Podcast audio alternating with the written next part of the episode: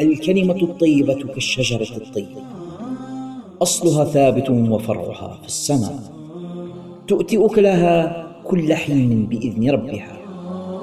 هكذا وصفها ربنا سبحانه وتعالى في محكم كتابه العزيز. والكلمة الطيبة صدقة. هكذا وصفها رسولنا الكريم صلى الله عليه وسلم في حديثه الشريف. فلنتفيأ ظلال تلك الشجرة. ولنجني من ثمارها اليانعة علما نافعا وأمرا بالمعروف ونهيا عن المنكر وإصلاحا بين الناس.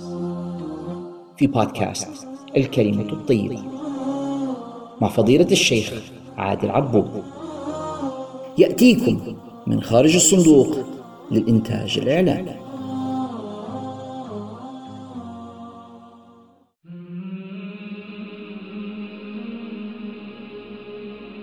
بسم الله الرحمن الرحيم.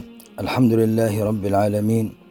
والصلاة والسلام على أشرف الأنبياء والمرسلين سيدنا ومولانا محمد وعلى جميع إخوانه الأنبياء والمرسلين وعلى آل كل وصحب والملائكة والأئمة وأشياخنا ووالدينا وأهالينا وجيرتنا والمسلمين.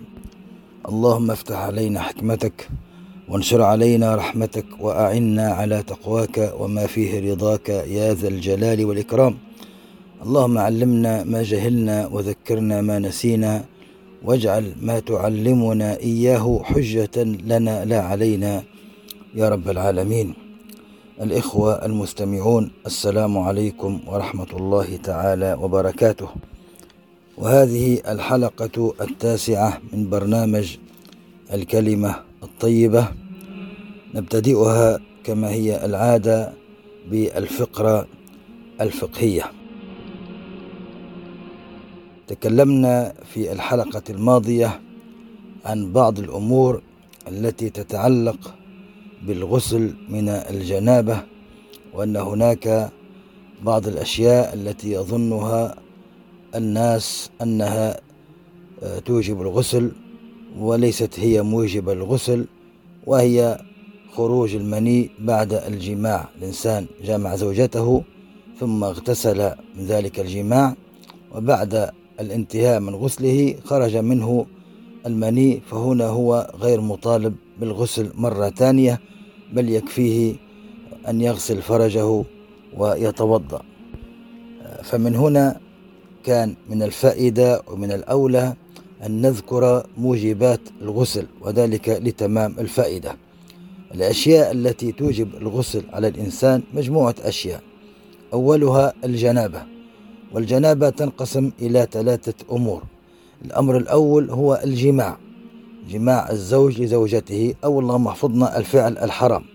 مجرد مغيب رأس الذكر في فرج الأنثى أو في القبل أو في الدبر والعياذ بالله يوجب هذا الغسل سواء أنزل أو لم ينزل.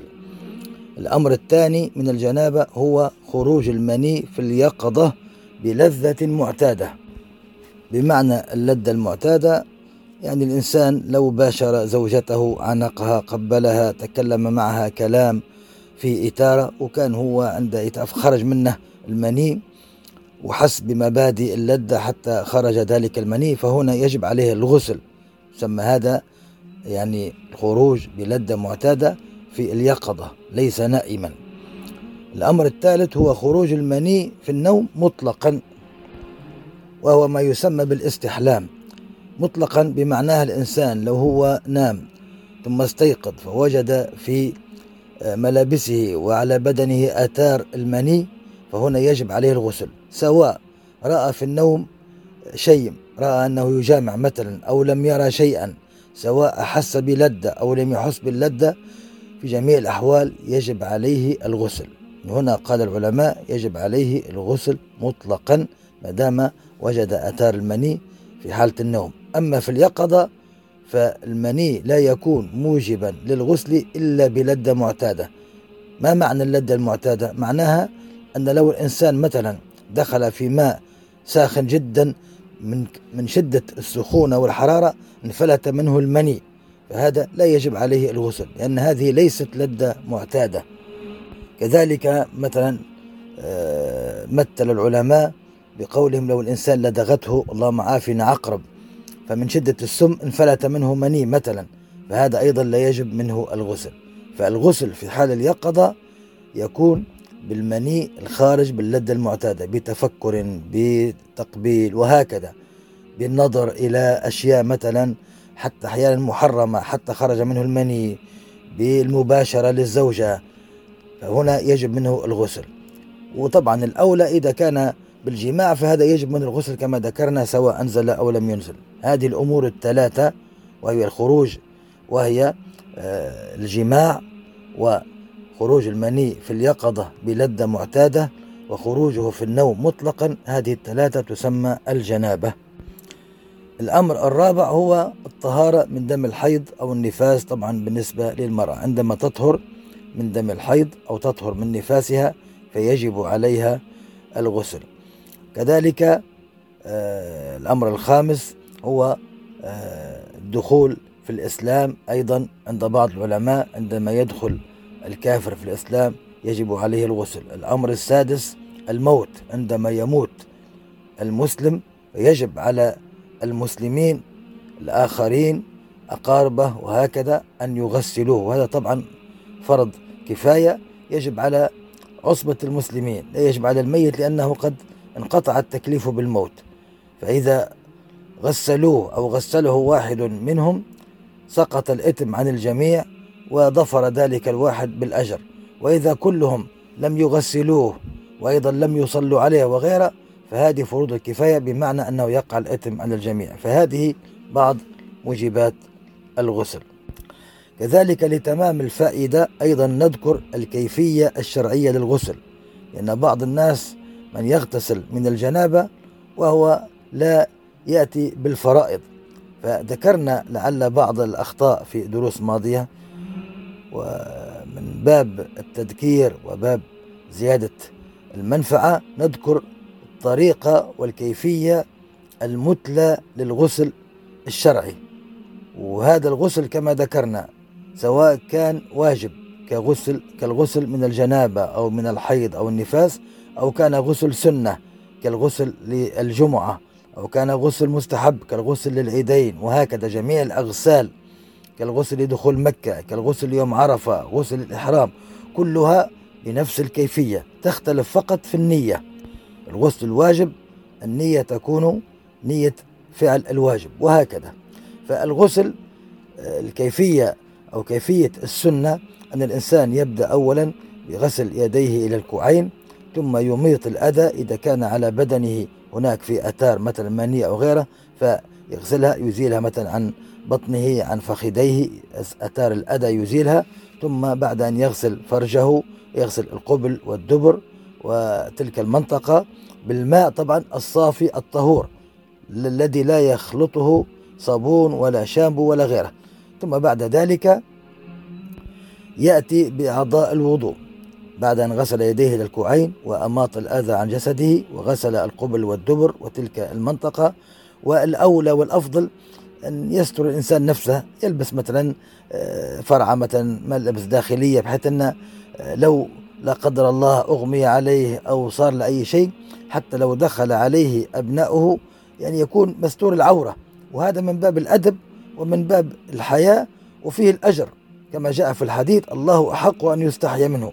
ولكن لو اغتسل الإنسان عريانا هكذا لم يستر عورته فلا إثم عليه. بعد أن يغسل القبل والدبر كما ذكرنا هنا يأتي بأعضاء بغسل أعضاء الوضوء. فيتمضمض ويستنشق ويستنثر ثم يغسل وجهه آه، ويتعهد الأماكن التي يبتعد عنها الماء كما ذكرنا في الوضوء ثم يغسل يديه اليمنى إلى المرفقين ويخلل الأصابع ويغسل اليسرى كذلك إلى المرفق ويخلل أصابعها ويمسح رأسه ثم يغسل رجليه ولا ينسى أن يخلل أصابع قدميه لأنهم واجب. تخليل الأصابع القدمين في الغسل واجب أما في الوضوء مستحب. أما أصابع اليدين فهو واجب في الوضوء وفي الغسل.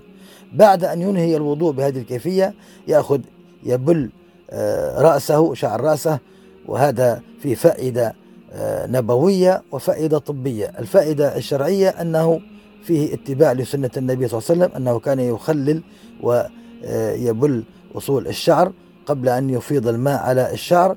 والفائدة الطبية أن المسام التي في جلدة الرأس عندما تحس بالماء فإنها تنكمش وتنغلق فحتى لما يصب الماء على رأسه آه، فبإذن الله لا يصاب بالبرد أو الزكام. ثم بعد ذلك يفيض الماء على رأسه ويخلل شعر الرأس حتى يصل الماء إلى جلدة الرأس ثم ينزل إلى العنق فيغسل عنقه وما تحت الذقن وهكذا العضد الأيمن يبدأ بالشق الأيمن يغسل العضد وهو من بعد المرفق إلى الكتف يغسل ذلك العضد ثم الكتف والرقبة وجانب الرقبة اليمنى ثم يغسل الجانب الأيمن الصدر والظهر وينزل بذلك الماء مع الدلك مرر اليد بخفة امرار خفيف يسمى الدلك وحسب الاستطاعة. أحيانا أماكن لا يستطيع أن يصلها بيده فلا يعني يجب عليه الدلك وإنما لابد من تعميمها بالماء. مثلا في منطقة الظهر لا تصل اليد إلى تلك المنطقة فيعممها بالماء ويحاول أن يدلك ما استطاع إلى ذلك. ثم ينزل إلى يعني هكذا يتبع رجليه الفخذين إلى الركبتين الركبة اليمنى طبعا في الشق الأيمن كما ذكرنا وينزل إلى الساق إلى القدم. لا يعيد غسل القدم لأنه قد غسلها في الوضوء. هكذا أنهى الشق الأيمن من جسده ثم يأتي إلى الشق الأيسر كذلك يغسل العضدين وهكذا نفس الطريقة حتى ينهي الشق الأيسر بالكامل ويصب الماء على ظهره في بعض الأماكن التي لم يصلها الماء وعلى أيضا صدره ويغسل سرته. وهنا قد أنهى غسله بالكامل وأصبح طاهرا وأتى بالطريقة أو التي هي على السنة. ولا ينسى ألا يلمس آه، فرجه ذكره في أثناء الغسل حتى يكون أو يستطيع أن يصلي بذلك الغسل. لما غسل في بداية الغسل غسل فرجه تلك الأماكن المحيطة به هنا آه، لا يعيد تلك الأماكن لأنه قد غسلها. فيتوقع في هذه الحالة أن يمس ذكره وأيضا عند لبس ثيابه أو عند تنشفه أن يمس ذكره. إذا مس ذكره فالغسل صحيح ولكن يجب عليه إعادة الوضوء إذا أراد أن يصلي. لكن إذا لم يمس ذكره فوضوءه أيضا صحيح ويستطيع أن يصلي مباشرة بذلك الغسل. فهذه هي الكيفية كيفية السنة. هناك كيفية أخرى تسمى كيفية الإجزاء بمعنى أن الإنسان إذا لم يأتي بها فوضوءه غير مجزي وغير صحيح وهي أن يعمم جسده بالكامل وشعره آه، ينقيه بالماء. مثلا حتى لو غطس في البحر أو في نهر أو في مثلا في حوض الاستحمام في بيته حيث تعمم جسده بالماء وخلل شعره حتى لو لم يحافظ على هذا الترتيب الذي ذكرناه فغسله صحيح ويستطيع أن يتوضأ ويصلي بذلك الغسل وقد ارتفعت عنه الجنابة. لكن الطريقة الأولى هي طريقة وكيفية السنة التي فيها متابعة لكيفية غسل النبي صلى الله عليه وسلم. من الأخطاء التي يعتقدها بعض الناس هو أن الثوب إذا أصابته نجاسة أو البدن إذا أصابته نجاسة فهو يزيل تلك النجاسة عن ثوبه إما بغسلها أو بتغيير الثوب أو إذا كانت على البدن يغسل بدنه. تلك المكان الذي فيه عليه نجاسة بول أو مثلا دم أو غيره من النجاسات ثم يعيد الوضوء. هنا الوضوء ما فيش داعي لإعادته لأنه ليس من نواقض الوضوء إصابة الثوب أو البدن بالنجاسة. إصابة الثوب أو البدن يجب إزالتها عن الثوب وعن البدن وعن المكان المصلي وهذه تسمى الطهارة من الخبث ومن شروط صحة الصلاة. لكن الوضوء لا زال صحيحا. بعض النساء لما مثلا يعني تنظف ابنها الرضيع أو الصغير وتنظفه من النجاسات بعد ذلك لا تكتفي بغسل يدها بل هي تعيد وضوءها وهذا طبعا من الأخطاء الشائعة فالوضوء لم ينتقض. الوضوء صحيح ولكن تغسل يدها وتطهره بالمطهرات كالصابون وغيره لكي لا تبقى الرائحة في اليد. وهذا أيضا اقتداء بالسنة ولكن الوضوء صحيح. ذكرت في كيفية الغسل أن الإنسان بعد أن يتم غسله يستطيع أن يصلي بذلك الغسل إذا أتى بفرائض الوضوء كما ذكرت. ولكن أيضا بحيث أن لا يمس ذكره في أثناء آه، إتمام غسله أو أثناء تنشفه لأن مس الذكر مبطل للوضوء. فكثير من الناس يعتقد أن مس المتوضي لذكره أنه لا ينتقد الوضوء بذلك المس وهذا اعتقاد خاطئ لأن الذي عليه جماهير أهل العلم أن لمس الإنسان ذكر نفسه المتصل من غير حائل ينقض الوضوء مطلقا. من غير حائل بمعنى أنه لو مثلا لمسه بخرقة مثلا منشفة أو غيره تخينة فالوضوء صحيح. لكن آمتى يكون المس ناقض للوضوء إذا كان من غير حائل أو حائل رقيق جدا وببطن يده وبأصابعه. لو مسه بظهر يده فأيضا لا ينتقد الوضوء. وفي هذا يعني الحديث من مس إذا مس أحدكم ذكره فليتوضأ وهو حديث صحيح كما رواه الإمام مالك في الموطأ وغيره من أئمة السنة. أما مس الدبر أو ما بين الإليتين فلا ينقض الوضوء فقط مس الذكر. وبالنسبة للمرأة اختلف العلماء على هل مسها لفرجها ناقض الوضوء أو غير ناقض في خلاف بين العلماء. فالاحتياط ألا تمس فرجها وإذا مسته آه، عليها أن تعيد من باب الاحتياط. ولكن هناك رأي قوي جدا يقول أنه لا وضوء عليها. كذلك من نواقض الوضوء التي بعض الناس قد لا يعرفها هو لمس المرأة. لمس المرأة بمعنى يعني وضع الإنسان يده أو قدمه أو بأي جزء من جسده يمس المرأة. طبعا إذا كانت امرأة زوجته فالمس هذا أو اللمس حلال ولا شيء فيه. ولكن هل ينقض الوضوء أو لا ينقض الوضوء؟ هنا اختلف العلماء في هذه المسألة. أيضا في مدرسة الفقهية المالكية لمس لمس المرأة يعني يكون ناقضا إذا قصد اللذة أو وجدها. إذا هو من البداية يعني قاصد للذة يعني نيت أن يلتد مثلا مد يده ليلمس زوجته بنية اللذة فهذا ينتقض وضوءه. ولو لم يجد اللذة وأحيانا هو غير قاصد للذة ولكن بمجرد اللمس التد وهي الشعور الباطني والانتعاش الباطني اللذة فهذا أيضا ينتقد وضوءه. أما إذا كان لم يقصد اللذة ولم يجدها فلا وضوء عليه ووضوءه صحيح. كذلك من الأخطاء التي تتعلق بالوضوء أو الغسل أن بعض الناس من يظن أنه إذا توضأ ثم احتاج قلم أظافره أو حلق رأسه مثلا يعتقد أنه يجب عليه أن يعيد الوضوء وهذا خطأ لأن آه، هو الشيء المأمور بفعله قد فعله فلا يجب عليه لا إعادة الوضوء ولا شيء من ذلك ف يعني لم يعد إذا كان حلق رأسه لم يعد مسح الرأس مثلا وإذا قلم أظافره لم يعد الوضوء أو غسل اليدين ولكن وضوءه صحيح.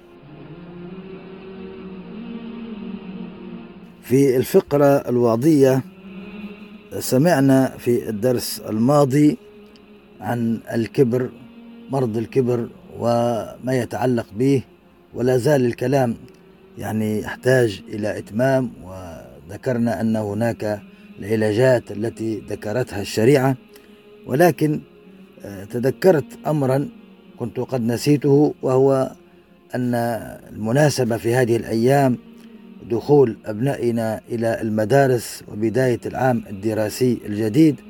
فكما تقول الحكمة خير المقال ما ناسب الحال.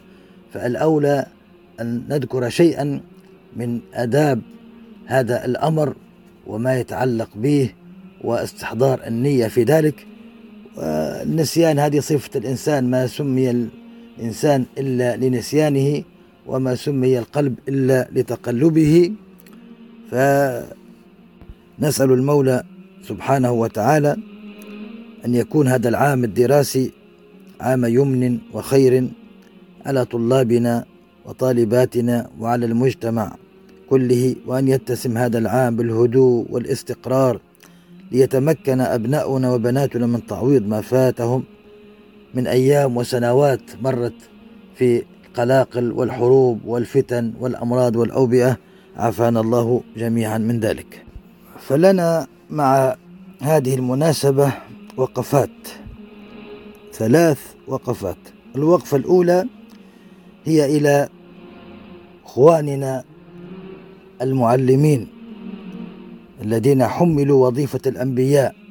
قال صلى الله عليه وسلم إن الله وملائكته ليصلون على معلم الناس الخير. انظر هذه المنقبة وهذا المقام الذي أعطاه الله تعالى وأعطاه ديننا لمن يعلم الناس الخير. أي علم فيه فائدة للمجتمع سواء كان من العلوم الدينية أو الدنيوية. معلم الناس الخير صفة شاملة لكل خير. وصلاة الله كما هو معلوم هي الرحمة. وصلاة الملائكة هي الدعاء والاستغفار. فرب العزة يرحم ويغفر والملائكة تدعو وتستغفر لمن يعلم الناس الخير. فالمعلم والمعلمة إذا كان في إخلاص في عملهم ولم يكن فيه غش فهم يمشون في رحمة الله بما يصنعون. فنذكر إخواننا وأحباءنا المعلمين بهذه الكلمات التي فيها فائدة لنا ولهم والتي نرجو الله أن تكون يعني خالصة والقصد منها بإذن الله تعالى هو النفع للجميع. فنقول لهم الله الله في أبناء المسلمين. بمعنى اتقوا الله اتقوا الله. أمانة كبيرة وحمل عظيم. أؤتمنتم عليها وتحاسبون عليها. إن أحسن الإنسان فله الأجر العظيم وإن أساء وخان الأمانة فعليه الوزر الكبير. وأحسن ما يستعين به المعلم وغير المعلم كلنا أحسن ما يستعين به لحمل هذه الأمانة هو الإخلاص. عمل بلا إخلاص لا بركة فيه. والإخلاص هو أن يجعل الإنسان عمله لله ولله الحمد في شريعتنا. الأجرة والمرتب لا ينافي الأجر كما تقول الحكمة بشرى لنا بهذه البشارة أن الأجر لا تنفيه الإجارة. المعلم ياخذ مثلا في مرتب على عمله والطبيب كذلك والمهندس وغيره. يستطيع هؤلاء جميعا ونحن كذلك. في أعمالنا إن أخلصنا النية نويت أنا بعملي أن أنفع المسلمين. المعلم ينوي أن يهذب أخلاق الأبناء أن يتقن عمله أن يعلمهم الخير. الطبيب ينوي أن يشفي الأمراض أن يعين على تخفيف الأوجاع. هذه النوايا كلها تكون لها الأجر والثواب ولا ينفيها المرتب الذي يأخذه. وكلما أخلص في عمله كلما كان مرتبه حلالا ويحظى بالثواب الذي هو أعظم يعني شيء للإنسان في مصرف الآخرة.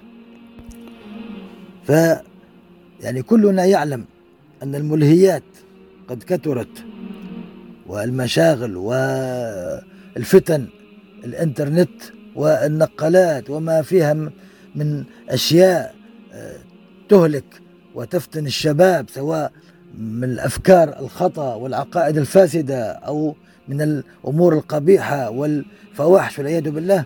ف يعني مطالبين بمزيد من بذل الجهد والعمل ولا فقط تتوقف أو يتوقف نظرك على المرتب.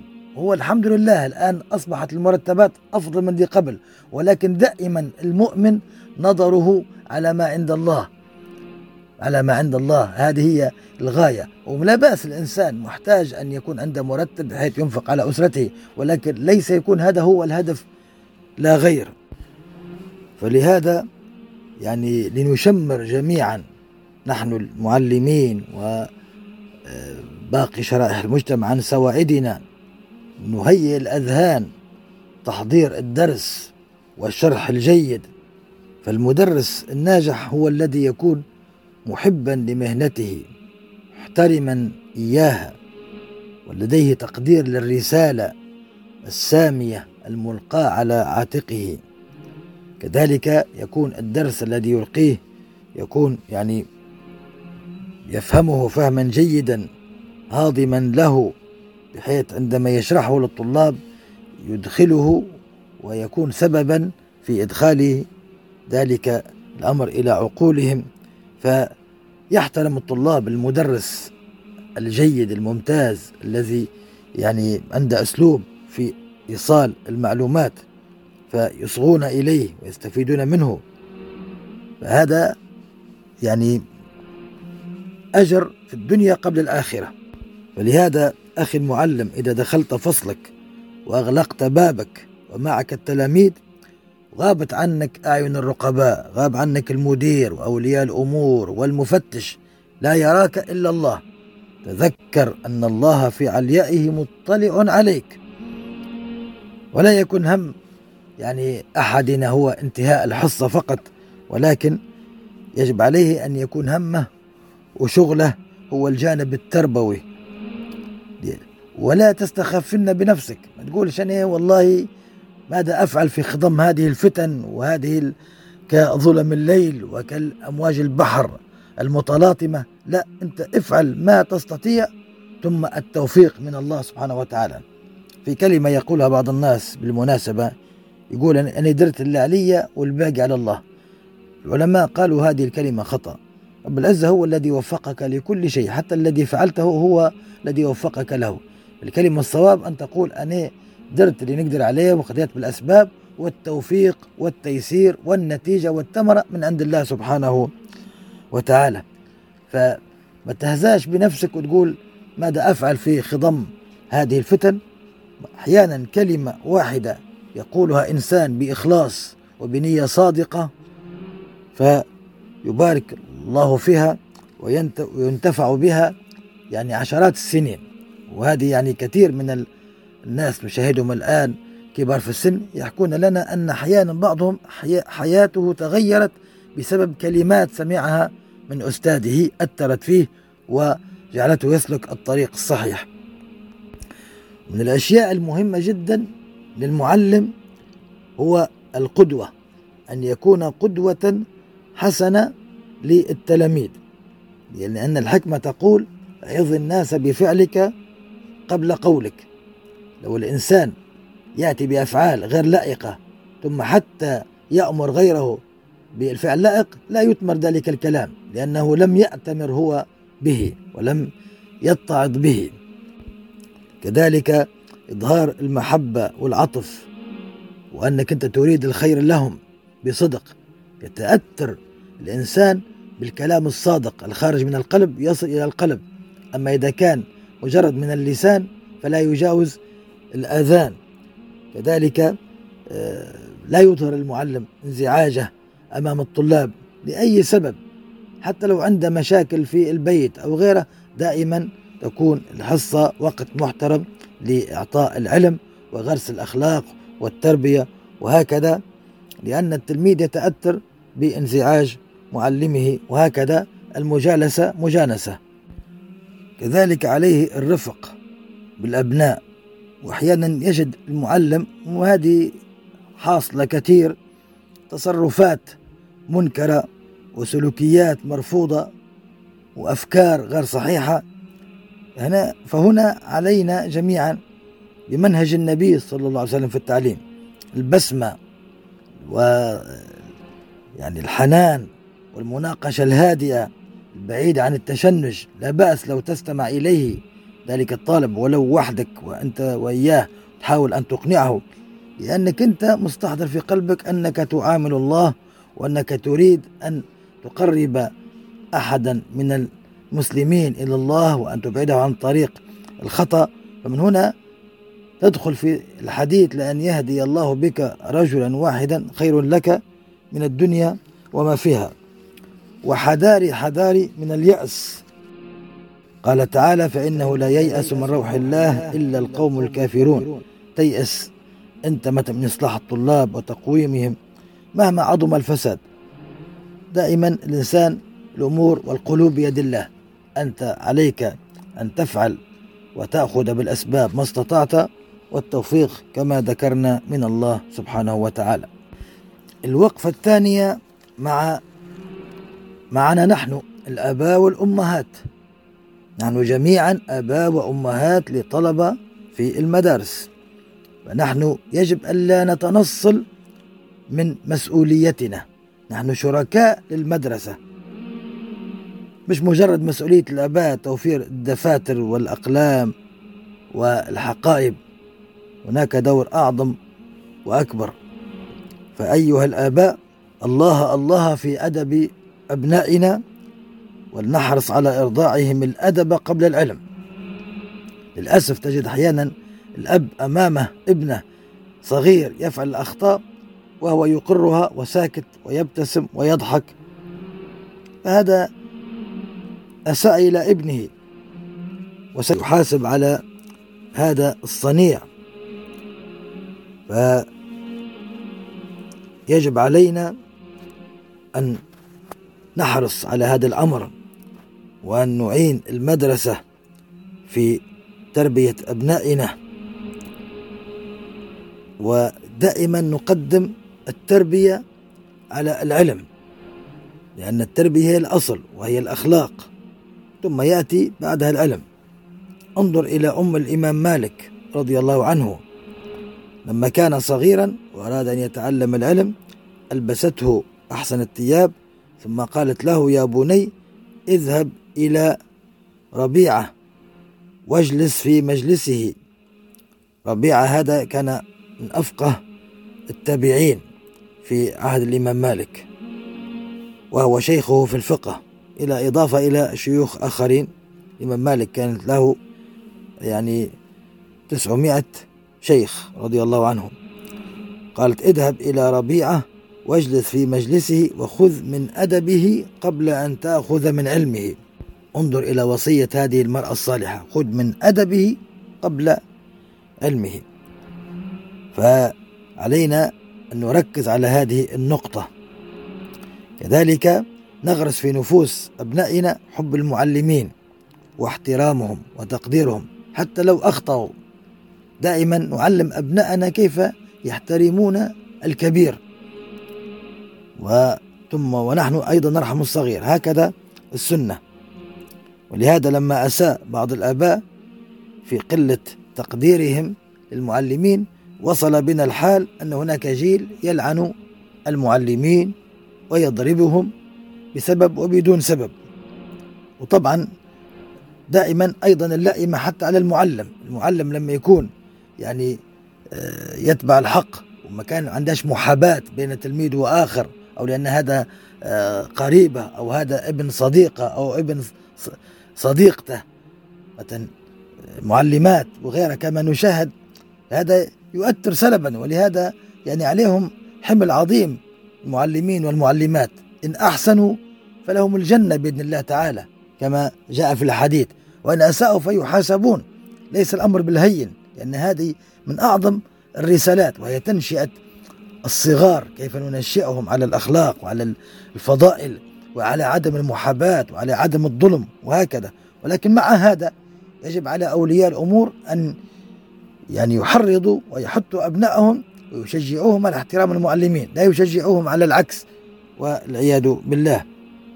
كذلك من وظائف الآباء أن يعني أن لا يتركوا الحابل على الغارب كما يقولون. يراقبوا أبنائهم آه، مع من يمشون من هم أصدقائهم لا يتركوهم يتعلمون من الشارع ما يفسد عليهم التربية وعلى المدرسة. ويحفظوا أوقاتهم ودائما يعني التربية والمراقبة.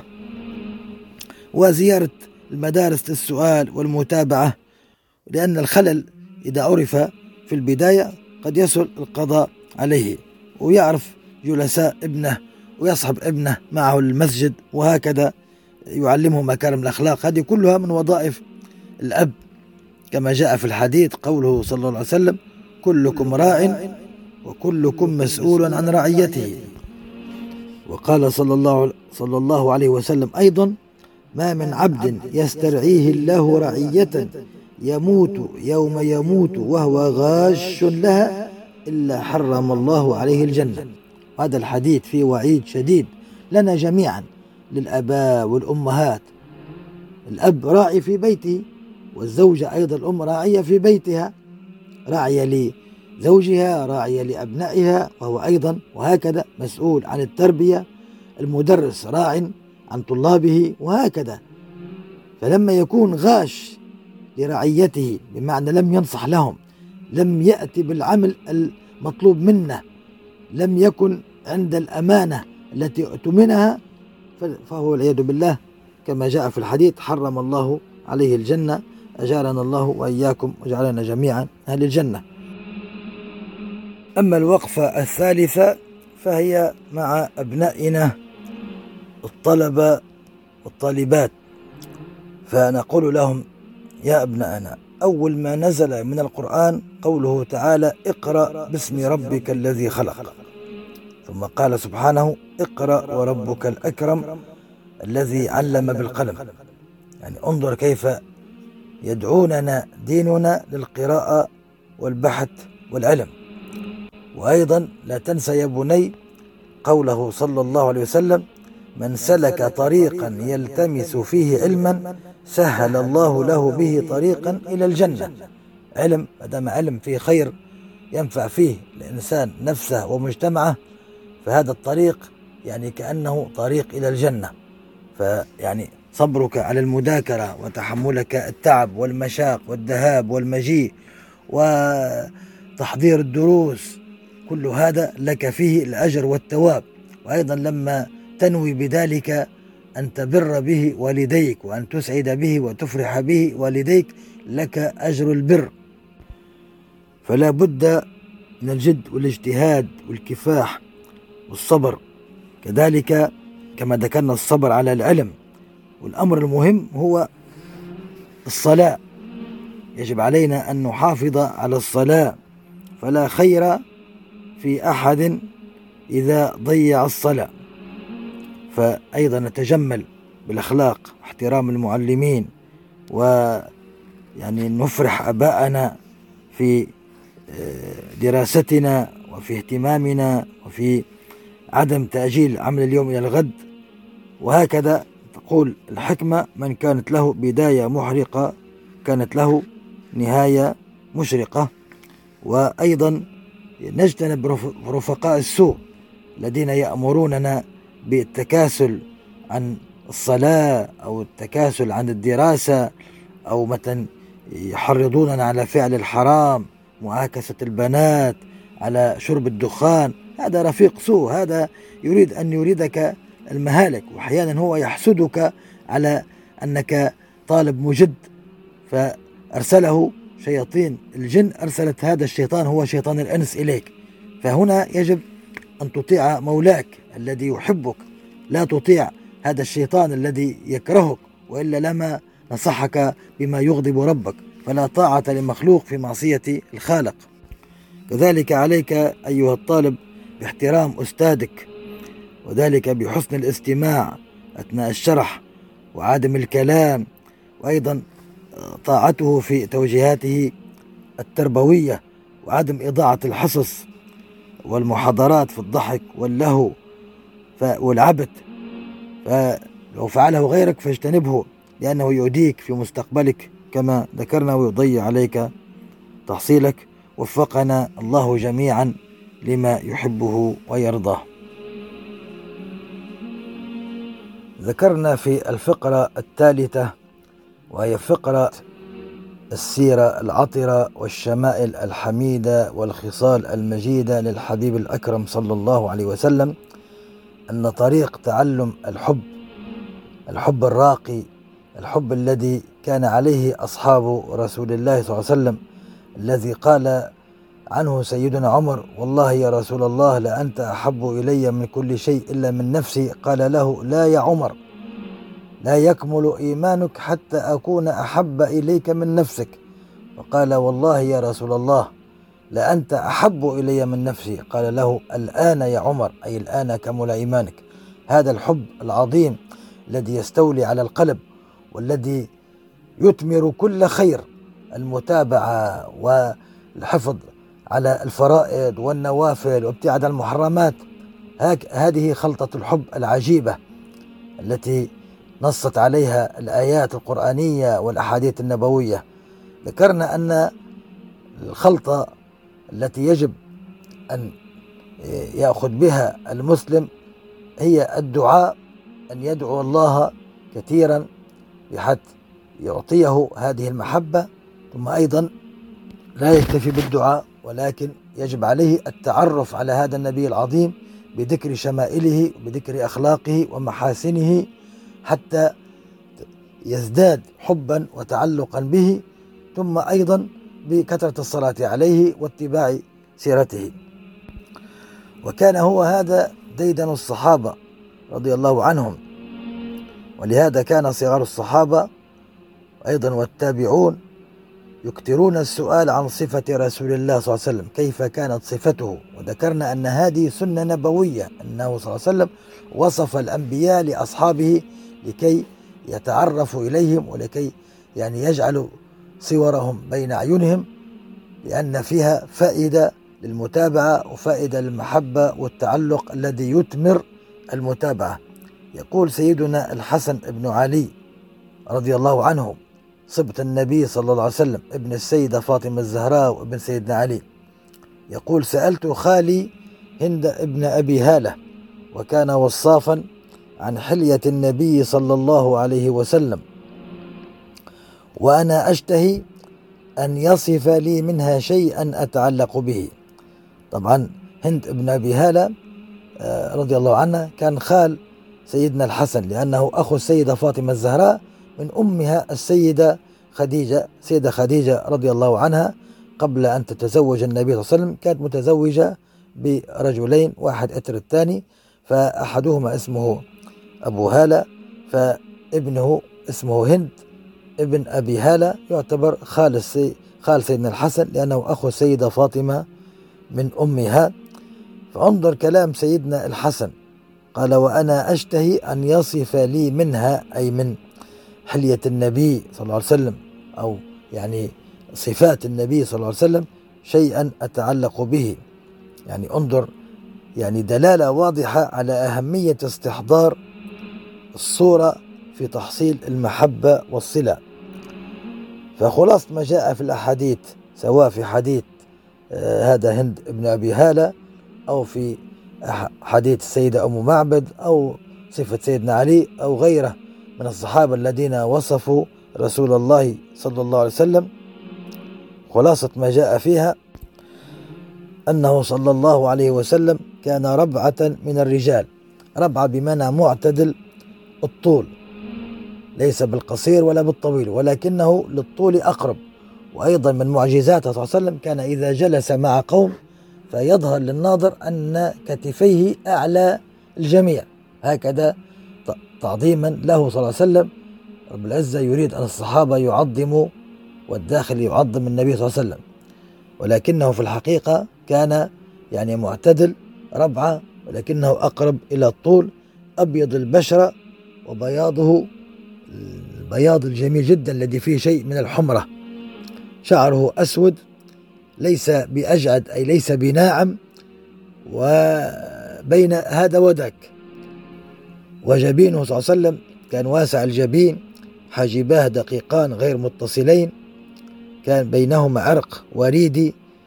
كان إذا غضب صلى الله عليه وسلم ذلك العرق يعني تكون فيه الدماء فيظهر لبعض الناس كأن الحاجبين متصلان ولكنه في الحقيقة الحاجبان ليس متصلين. وكان صلى الله عليه وسلم شديد سواد العين طويل الأهداب مستقيم الأنف لا ضخامة فيه ولا اعوجاج. وأما فمه فلم يكن ضيقا بل كان يعني واسعا قليلا جميلا لأن هذا من علامات الفصاحة والبلاغة. أسنانه منتظمة صلى الله عليه وسلم. لا تراكب فيها ولا تباعد يتعهدها بالسواك كثيرا. وكان إذا ابتسم ظهرت أسنانه كأنها حبات اللؤلؤ. والصحابة وصفوا كأنه يظهر النور يظهر النور من بين أسنانه صلى الله عليه وسلم. وكانت لحيته سوداء جميلة مع وجه مستدير. وكان ممتلئ الجسم ليس بالنحيل ولا هو بصاحب بطن بل كان صدره مستويا مع بطنه مع عرض في الصدر والكتفين والأطراف. فيها ضخامة جميلة تظهر القوة والتماسك والتناسق عليه الصلاة والسلام. وربما انكشف الثوب عن صدره وبطنه صلى الله عليه وسلم فيكشف عن جسده بياضا نيرا. مع شعر في على الصدر دون الثديين والبطن وشعر على المنكبين وشعر كالخط الرفيع يصل بين نحره وسرته صلى الله عليه وسلم. النحر اللي هو الرقبة. وكان صلى الله عليه وسلم إذا مشى يمشي سريعا فإذا أراد أن يلتفت التفت بكله. انظر إلى هذا الأدب النبوي الراقي. إذا ناداه أحد لم يكن يلتفت بعنقه كما نفعل نحن بل يلتفت جميعا احتراما وتقديرا لمن ناداه. وهكذا إذا صافح أحد كان لا ينزع يده حتى ينزعها الآخر. وكان إذا أراد أحد أن يكلمه آه، سرا فكان يعطيه أذنه ولا يبعدها حتى يبتعد الآخر بفمه. وكان إذا جلس مع أصحابه لا يمد قدميه. تعظيما واحتراما لهم. عليه الصلاة والسلام. وإذا كلمه أحد أصغى إليه حتى ينهي كلامه. فعل هذا حتى مع الكفار كما في قصة عتبة أبو الوليد عندما أرسلته قريش إليه لكي يعني يعرض عليه الدنيا كلها الملك والجاه والمال على أن يترك. قال له بعد سمعه حتى أنهى كلامه بما فيه من يعني كفريات ولكن هكذا أدب الحديث. لما سكت أبو الوليد عتبة قال له النبي صلى الله عليه وسلم يعني أنهيت أكملت كلامك يا أبا الوليد وهكذا يكنيه احتراما. قال نعم. قال فاسمع مني. ثم تلا عليه الآيات. أدب الحوار وأدب الإصغاء أين نحن من هذا؟ أكثر نظره إلى الأرض وأكثر ضحكه التبسم صلى الله عليه وسلم. كان بساما ضحاكا كما جاء في بعض الروايات دائما يبتسم إلا إذا كان مهموما لأجل الأمة أو لأجل الآخرة وإلا دائما يبتسم. وخاصة إذا دخل عليه أحد حتى قال الصحابة يعني ظنوا كل واحد يدخل يظن أنه أحب واحد إلى النبي صلى الله عليه وسلم من كثرة ما يكرمه ويبتسم إليه ويرحب به حتى يظن أنه أكرم الناس عليه. هكذا كانت صفته صلى الله عليه وسلم. كان بساما ضحاكا لين الجانب كثير اللطف سريع العطف. كانت تأتيه الجارية البنت الصغيرة جدا وتطلب منه تأخذ بيده إيه، في حاجة يذهب معها. لا يقول لها ولا مع علو مقامه وهو سيد الأولين والآخرين وحبيب رب العالمين ولكن يذهب معها حتى يقضي لها حاجتها.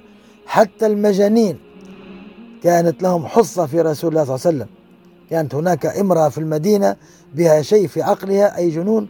فأوقفته قالت أريد أن أحدثك. وقف معها في الطريق أمام الناس في ناحية وأخذت تحدثه وانظر يعني سعة صدره صلى الله عليه وسلم وصبره كيف يكون كلام المجانين. ومع هذا بقي معها حتى أكملت كلامها.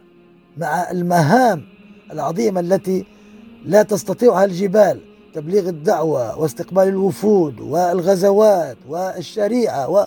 ولكنه مع هذا يعطي من وقته ومن جسده وراحته. صلى الله عليه وسلم. اللهم صل وسلم وبارك على هذا الحبيب الكريم.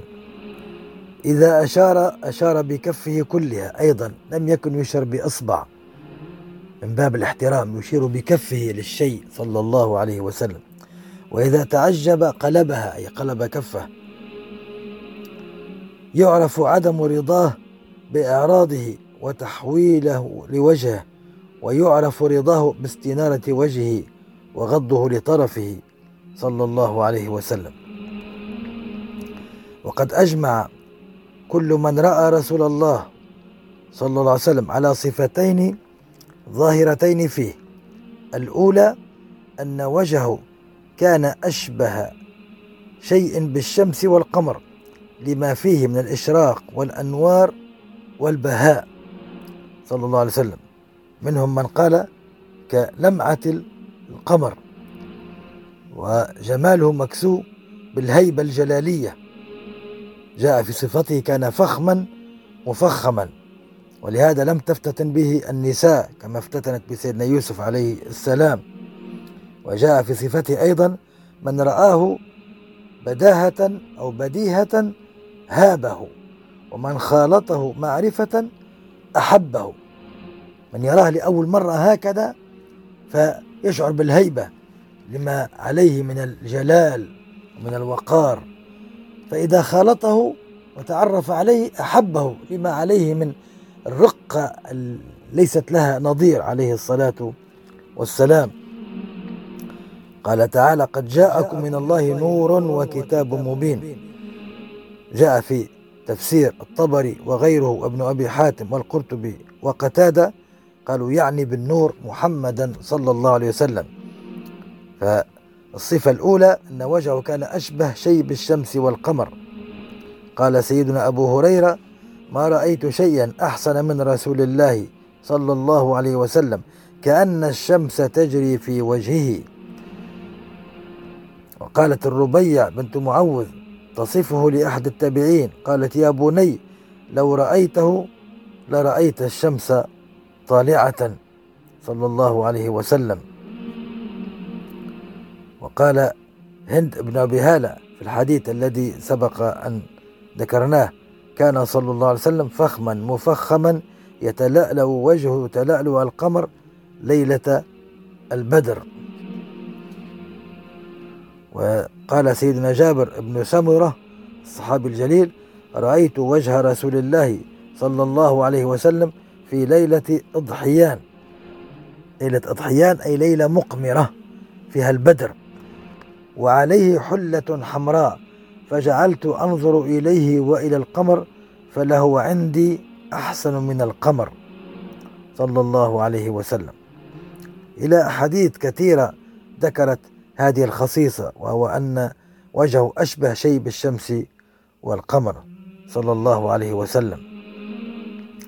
الأمر الثاني وهو ريح الطيب التي كانت تنبعث منه تلقائيا ولو لم ولو لم يمس الطيب. يعني الطيب معجون في جسده الشريف صلى الله عليه وسلم. يعني كانت تلك الريح صفة له وريحا لعرقه الشريف. مع كونه كثير التطيب ولكن هذه صفة جبلية في خلقته صلى الله عليه وسلم. حتى العرق لما كان ينزل منه العرق كان ينزل يعني يضيء كحبات الألماس إنجاز التشبيه. ليس كالعرق الذي ينزل منا معه أوساخ حاشاه صلى الله عليه وسلم. وهذه من الأشياء التي يعني خصها أو من خصائص النبي صلى الله عليه وسلم ذكرت في أحاديث كثيرة. لعل بعض الناس يقول آه، كيف هذا الأمر؟ أنت أنت تريد أن تتعجب فتعجب من رحلة الإسراء والمعراج وما فيها من أمور خارقة للعادة. تعجب تريد أن تتعجب فتعجب ل يعني انشقاق القمر بيده الشريفة. كذلك يعني آه، شق الصدر الشريف. فهو صلى الله عليه وسلم كما قال أحد العلماء محمد بشر وليس كالبشر بل هو ياقوتة والناس كالحجر. الحجر الياقوت أيضا يسمى حجر ولكن ماذا؟ من الأحجار الكريمة. الجرام منها بالآلاف ليس كباقي الأحجار التي هي ملقاة في الطريق. قال صلى الله عليه وسلم إنا معاشر الأنبياء تنام أعيننا ولا تنام قلوبنا. حتى لو نام صلى الله عليه وسلم يقوم ويصلي ولا يتوضأ لأنه قلبه حاضر مع الله. كثير من الخصائص التي ذكرت في القرآن وفي السنة الشريفة فلا تتعجب أخي من هذا النبي العظيم أقرب الخلق إلى رب العالمين صلى الله عليه وسلم.